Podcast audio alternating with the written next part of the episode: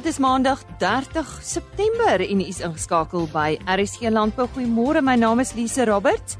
Op vandag se program gesels ons met Villa Crop Protection oor waterkwaliteit as dit kom by gewasbeskermingsprodukte. Dan praat ons met Dr. W.A. Lombard van die Universiteit van die Vrystaat oor landboufinansiering. Ons gesels met Voermol en ook met Hoërskool Klerksdorp oor hulle landbou kurrikulum. Maandag is natuurlik altyd tyd uh, wanneer Henny Maas reg staan met ons nuutste nuus oor veilinge. Hier is nou nuus oor twee veilinge wat binnekort plaasvind. Die Tendele Simmentaler sou op die 2 Oktober 'n veiling by Urania Markwart distrik 30 Simmentaler bulle en 30 Simmentaler koeie asook 30 kommersiële koeie word opgevuil deur Karoo Oos Vryburg. Steven Matthews is die afslaer.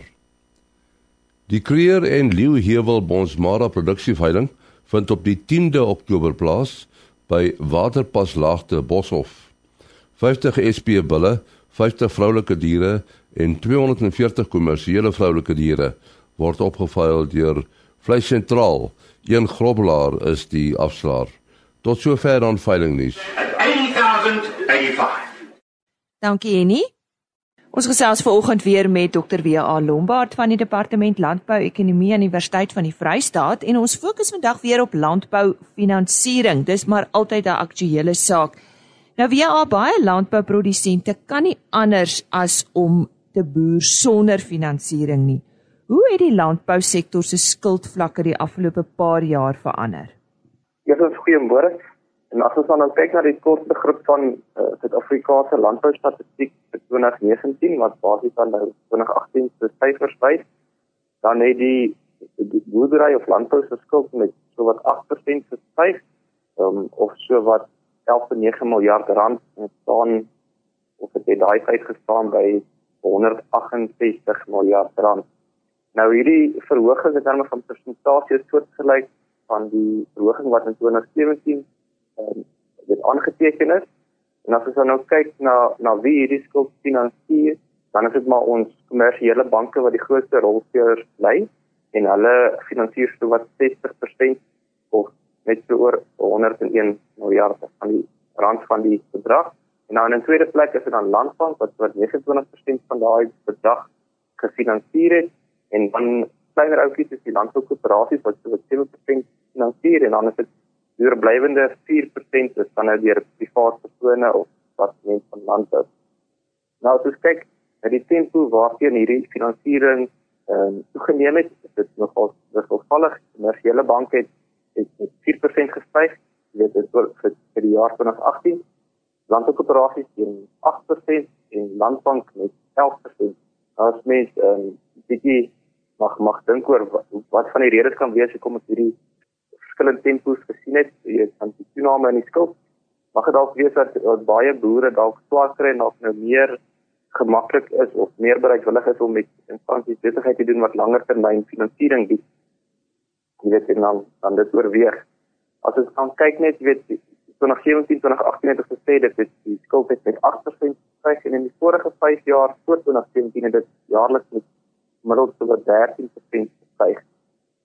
Nou daar kan ons weer kyk of of van die redes kan wees dat wat die boere swaar trek, hulle dalk nog ten volle herstel van die vorige droogte nie en van die boere is nou weer 'n droogte. Jy weet en dan dan lyk hulle boeke, hulle staat is slegter en hulle kan minder geld leen of hulle dalk nog meer daai vorige skuld heeltemal terugbetaal. Kom ons praat so 'n bietjie oor die verskillende tipes boerdery en finansiering in terme van finansiering van 'n saaiboer teenoor 'n veeboer, hoe verskil dit? Al kortliks bly die beginsels dieselfde weet as 'n bank vir jou of 'n instansie vir jou wil geld leen. Hulle kyk maar na hoofsaaklik die goeie sekuriteit wat baie belangrik is. Hoe gaan hulle hulle geld net kan terugkry as jy dan nou in 'n bankrot speel of of daai lening nie dit kespel kan terugbetaal nie so jy dan nou grond of eiendom of iets wat hulle kan opeis. Ehm uh, dan kyk hulle ook na jou terugbetaal vermoë. Jy weet van jou plan wat jy, jy indien en dan jou jou kredietgradering van die verlede. So, hoe hoe het jy in die verlede jou ehm um, jou kapitaal wat jy verleen het gespandeer en bestuur? Nou, so daar's nie regtig groot verskille nie, weet in terme van saai teenoor veeboere nie. een van die grootste verskille is dalk net die die periode van finansiering. Ekstensiewe veeboere kan ehm um, hulle regmaak weet dat hulle geld om dit terug te betaal oor so wat 5 tot 7 jaar as hulle beeste koop en as hulle wil skaap koop vir ekstensiewe produksie kan hulle kyk weet 3 tot 5 jaar of om dit weer finansier oor 3 tot 5 jaar. Waar in die geval van saai boere is die lenings meestal net vir 1 jaar waar dan die kapitaal hoofsaaklik gebruik word om net die insetkoste te dek. So daai is een verskil en dan as jy kyk na meer intensiewe vee uh, produksiestelsel, uh, weet dan dit waar boere dalk net wil lammers afrond of 'n voerkraal of spaarkraal afrond, kan hulle dan weet geld hier spesifiek net vir 6 maande in in, in banke van die banke het dit produkte beskikbaar. As ons van nou kyk na die die skuldlasverhouding, so aan die ander woorde skuld as persentasie van jou totale bates wat jy wil leen, dan is die banke gewoonlik gemaklik jy om tot tot met so 35% uit te leen vir veeboere en vir saai boere is dit meer tot met so 60% intensiewe vee vee bedrywe voerkrale en soos voerkrale en melkerye kan 'n uh, bietjie meer verwag tot met so 70%. Ehm um, dit maar daar kan ook nou sekere vereistes wees wat die die, die produsente moet in gedagte hou as hulle nou wil gaan geld leen. Dit kan wees dat 'n um, versekerings as 'n voorvereiste is vir die lening. Dit mag ook lewensversekering wees of dit kan nog iets wees soos halfversekering vir saai boere. Maar dit sal weer eens afhang afhang van die die risikoprofiel van die produsent, jy weet, en wat se sekuriteit hy tot sy beskikking het. Ja, kom ons praat oor tendense. Wat is van die tendense in finansiering wat die afgelope tyd opgemerk is? ek wil net sê ek ek ek sit by die universiteit, so ek het dan nou mense by die in die bankwese gestel om hierdie inligting te kry. So dan nie ek dit uitdink nie. Maar landbouprodusente wat nou oorweeg om grond te koop, um, kan hulle regmaak om lenings tot en met so 50 tot 60% te kry en dan die oorblywende 40 of 50% sal hulle dan nou moet weet in in, in eie belang of vir maar ook in eie belang moet ehm um, bydra. Ehm um, En dan nou ook wat ek gehoor het is dit is meer waarskynlik dat die ekonomie wat druk produsente verhinder om uit te brei eerder as wat dit die onteiening van vergoeding self of is wat hulle wat hulle ehm um, terughou. Weer eens die ekonomie druk hulle. Ehm um, daar is ook opgemerk dat saai boere met 'n sterk veevertakking makliker deur die laaste paar jaar gekom het. Jy weet albei bedrywe het hulle sê dit houe gevat vir die een kan kan die boerdery deurhelp as die weet as die ander vertakking dalk bietjie swaar trek Ons het ook opgemerk dat baie saaiboere oorweeg om van hulle marginale gronde om te sit in aangeplante weidings en dan nou vee daarop aan te hou. Maar weer eens daai daai boere se kontantvloei of nie almal al daai boere se kontantvloei laat dit dat hulle dadelik daai omskakeling kan doen nie. So dit sal waarskynlik nog tyd neem. Dan ehm um, dan het ook met die veepryse wat hierdie jaar nou weer bietjie geval het, boere met navraag gekom om hulle diere self af te rond, weet ek met paasvoerkrale of of of so op hulle lammer. Maar ons moet nog net daardie ouens waarsku dat hulle mooi hulle somme moet maak vir hulle dit in aanpak. Dan 'n laaste punt is baie van hierdie boere wat nou swak jare beleef het, kon nie bybly by hulle vangingskedule nie. Dit is hulle toerusting nie. En ehm um, dit kan hulle dalk inhaal in die toekoms omdat hulle nie meer dit met die nuutste tegnologie produseer en al minder kompeterend is. En dan nou die klein boer wat nie noodwendig sekuriteit het om teen te leen nie, watter opsies kan die produsente oorweeg om finansiering te bekom hierso via? Nou as mens as mens 'n klein boer is, moet jy dan nou moet jy dan nou maar gaan sit en kyk wat het jy tot jou beskikking. As jy 'n salarisstrekker het, ehm um, jy weet is 'n is 'n baie duur maar 'n makliker opsie om 'n persoonlike lening uit te neem. Uh, dit wat jy maar dan regverdig met jou salaris As ek sê daai rentekoerse is gewoonlik baie hoog, maar as jy sommer reggemaak word, kan dit dalk vir 'n produsent moeite werd wees. Dan um, natuurlik as iemand vir jou kan borg teken, is dit fantasties. Dan um, sal jy 'n uh, uh, lening kry met 'n beter rentekoers of as jy dalk eiendom het, nie noodwendig landbougrond nie, maar jy het 'n huis of of 'n oop grond erg iewers in die dorp wat jy kan leen, sal die rentekoers ook meer gunstig wees. Dan het ek ook ook al die vraag gekry, hoekom kan jy 'n motor koop met jou salarisstrokie met 'n beter rentekoers teenoor ehm um, byvoorbeeld 'n persoonlike lening net op jou salaris dan ehm um, weet en hoekom hoekom is hulle nie bereid om vir jou finansier as jy sê net maar 'n paar koeie wil koop met jou salaris, jy weet nie dieselfde bedrag as jy byvoorbeeld 'n motor wil koop nie, dan dan is dit daar die gevolgtrekking wat ek maak is ek het 'n motor op die die eienaarsskap van 'n motor meer gereguleer dat hy word geregistreer op jou naam en in die bank is die eienaar soos net hom afbetaal het. Maar met beeste dit is baie moeiliker om beeste se eienaarskap te beheer. Hulle het nie as ek sê binnommers of so op hulle nie of nog nie. Op plek een van die dae kan ons dit doen en dan meer geleenthede skep vir klein boere. So en dan natuurlik 'n bees word baie makliker gesteel as byvoorbeeld 'n kar en 'n kar het gewone versekerings op waar teenoor die versekerings van vee baie duur is. So ja, dit is moeilik vir 'n klein boer om in om in lening te bekom, maar daar is daar is planne wat hulle moet kyk of kan kyk. Dr. W.A. Lombard van die Departement Landbou Ekonomie aan die Universiteit van die Vrystaat wat met ons gesels het oor landboufinansiering. Ons gesels volgende oor 'n veiling en onder meer oor die Stofberg Boran groep se eerste produksieveiling. Uh, ek gesels met die organiseerder en sy naam is Martinus Botha. Martinus, ja, vertel vir ons wanneer en waar vind hierdie veiling plaas? Hallo Lise. Uh die veiling vind plaas op uh Stofberg uh by Mellow Stream. Um, dis so 75 km noord van Middelburg Mpumalanga en dit is die 2 Oktober 2019. En hoe laat begin dit? Om 11:00. En sê vir my, wat is die aanbod Martinus? Ehm um, op die veiling bied ons 11 toetbulle aan, uh 32 toet koeie en 42 kommersiële koeie waarvan meeste al uh, sommige van hulle sal al gekalf het en een kommersiële bul. En wat maak hierdie veiling so uniek?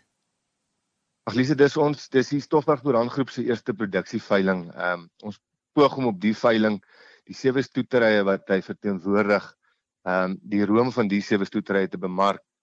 Die aard van ons suurberge wêreld maak dit ons diere maklik oor die hele land aanpas en ons glo dat die boere aan die Afrika se vleisbees van die toekoms is. En vir meer besonderhede, vir wie kan hulle kontak of het julle dalk uh, iewers 'n webtuiste waar iemand na die diere ja. kan gaan kyk? Uh Lisa, jy kan hulle kan myself kontak, Martinus Botha is op 084 8077 159 en dan kan jy hulle vleisentraal Ermelo se afslaer self bel. Hy's Paul Botha en sy selfoonnommer is 082 807 5511. Die bemarker is Cyril Hefer. Hy's 083 232 4196. Dan sy webblad tuiste is www www.vleisentraal.co.za en dan is daar ook 'n Facebookblad is Vleisentraal Ermelo. Goed, herhaal net vir ons jou selfoonnommer asseblief. Is 084 8077 159.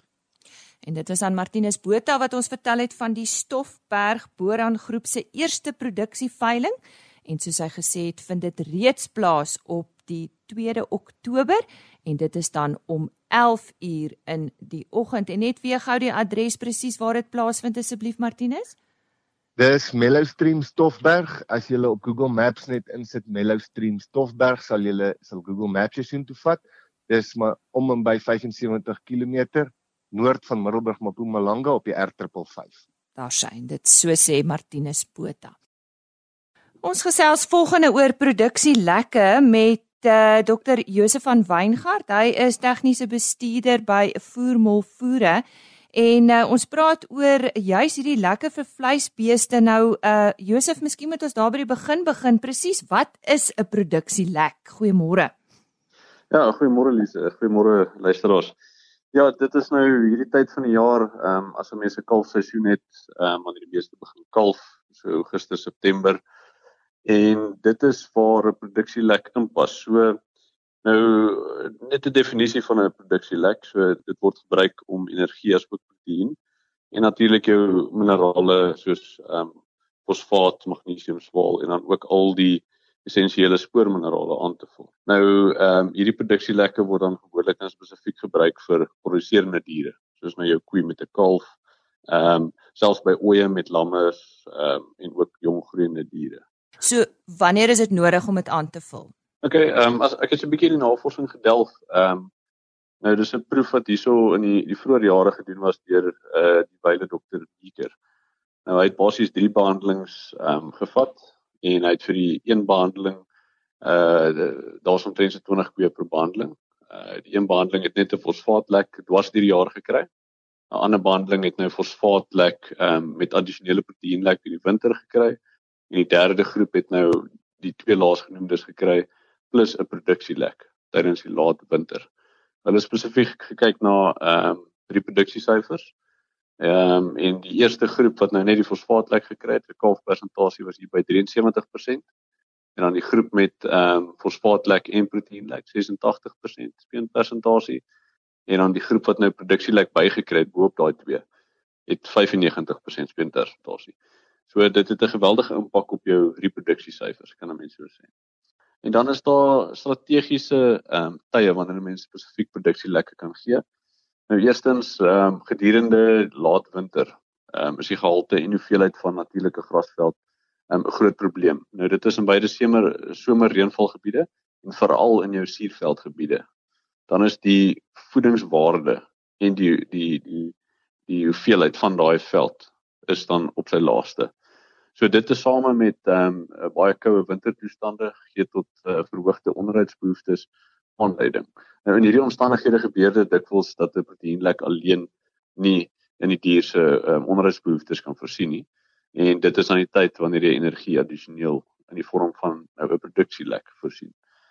Ehm um, anders te kry 'n ernstige um, massaverliese wat 'n mens natuurlik nie wil hê nie dan 'n ander manier om om dit um, te gebruik is ehm um, dis nou veral in die soeter grasveldstreke waar die voedingswaarde van die veld veel beter is en energieaanvulling is normaalweg nie noodwendig ehm um, nodig in daai omstandighede nie.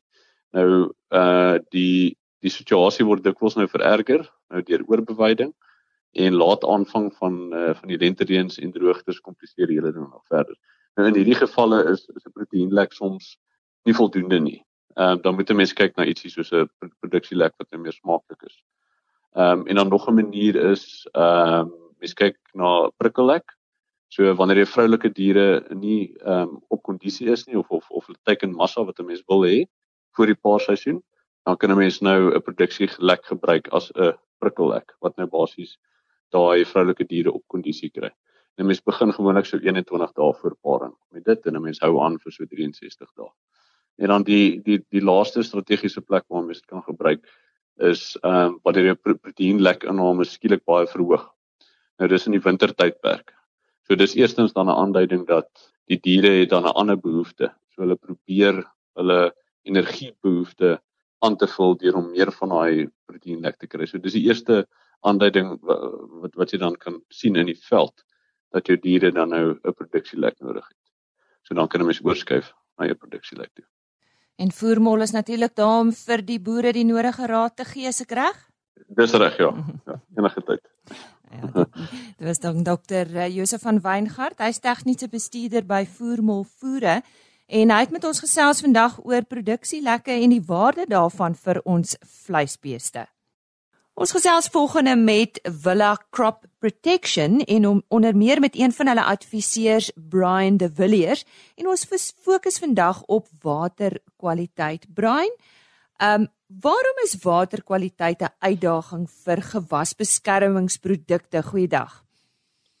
Uh goeiedag Lise. Ja, uh, water is 'n 'n uitdaging vir gewasbeskermingsprodukte want enige waterbron het sekere eienskappe wat uh, gewasbeskermingsprodukte kan beïnvloed. Dus as jy 'n gewasbeskermingsproduk in 'n sekere water gaan toedien, kan die effektiwiteit daarvan verlaag word deur daai spesifieke um water en enige water wat jy mee spuit het een sekere uitdagings um en sekere nadele wat aangespreek moet word um met sekere gewasbeskermingsprodukte. Goed, so watter fisiese eienskappe van water beïnvloed gewasbeskermingsprodukte? Ek dink die heel belangrikste fisiese eienskap van water is die oppervlaktespanning. Nou oppervlaktespanning is 'n snaakse ding. Um dit beteken dat as 'n druppeltjie die blaar tref, dan gaan hy afspring of afhop van daai blaar af. Dit beteken dan gaan 'n klomp druppels die blaar tref, byvoorbeeld met onkruiddoders, Ehm um, maar omdat van hulle gaan afhop as gevolg van ehm um, daai um um oppervlaktespanning van water, um gaan jy minder druppels op die blaar kry. Hoe minder druppels jy op die blaar gaan kry en hoe minder hulle uitgesprei is op die blaar, um hoe swakker gaan jou beheer wees van jou gewasbeskermingsproduk. Watter chemiese eienskappe van water beïnvloed dan waterkwaliteit? Die chemiese eienskappe van water, ehm um, daar's 'n paar van hulle. Seker die belangrikste een is soutte in water of uh uh katione in water, sulke goed soos kalsium en magnesium en natrium. Um dis jou harde en en brakwater. As jy met sulke water uh sekere onkruiddoders soos byvoorbeeld glifosaat gaan spuit, dan gaan die daai soutte aan die glifosaat bind terwyl die druppeltjie uitdroog op die blaar en dit gaan beteken dat jy verminderde en verlengde opname van daai produk gaan kry en daarom gaan jy verswakte beheer kry. So dis geweldig belangrik um dat dit aangespreek word. Die ander ene wat belangrik is is die pH van water. pH is hoe uh suur of alkalis die water is. Ons weet dat sekere insekdoders uh word deur alkalisiese water benadeel. Um as jy dit in die spuittank gaan inmeng dan dan word daai produk stelselmatig afgebreek Um en aan die ander kant van die spektrum het jy sekere onkruiddoders wat nie van 'n lae pH hou nie. So so 'n uh, sekere produkte het sekere vereistes vir die pH van die water. So dit is sekerlik die twee belangrikste um chemiese eienskappe van water wat gewasbeskermingsprodukte beïnvloed. Nou goed Brian, ek dink jy's die een wat nou vir ons raad kan gee. So hoe kan 'n mens hierdie uitdagings met waterkwaliteit oplos om optimale gebruik van gewasbeskermingsprodukte te verseker? Weet jy Lise, dis eintlik heel eenvoudig. Um as as mens kyk na die soutte in water, die harde en brakwater, um is daar um byvoegmiddels op die mark vir al die ammoniumsulfaat bevattende produkte um wat gebruik word en dis 'n eenvoudige chemiese proses wat gebeur.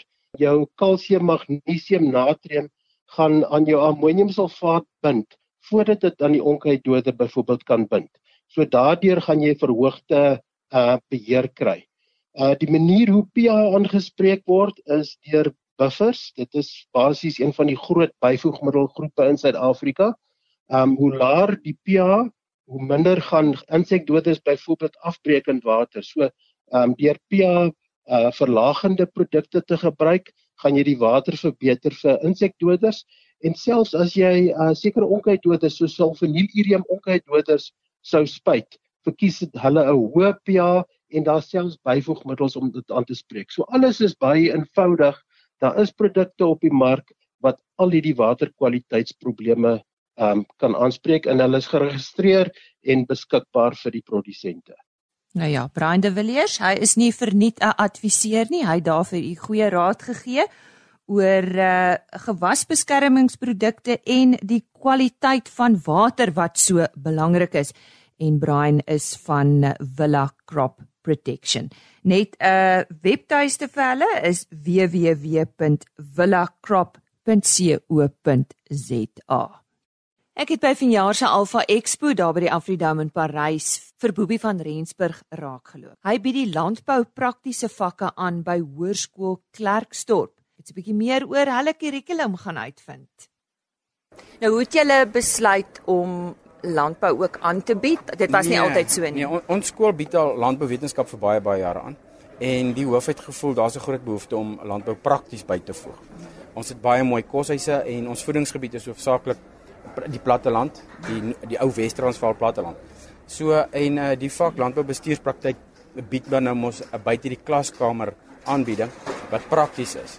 En daarvoor het ons hierdie projekkies begin loods om dan die kinders blootstelling te gee aan die boerderypraktyke.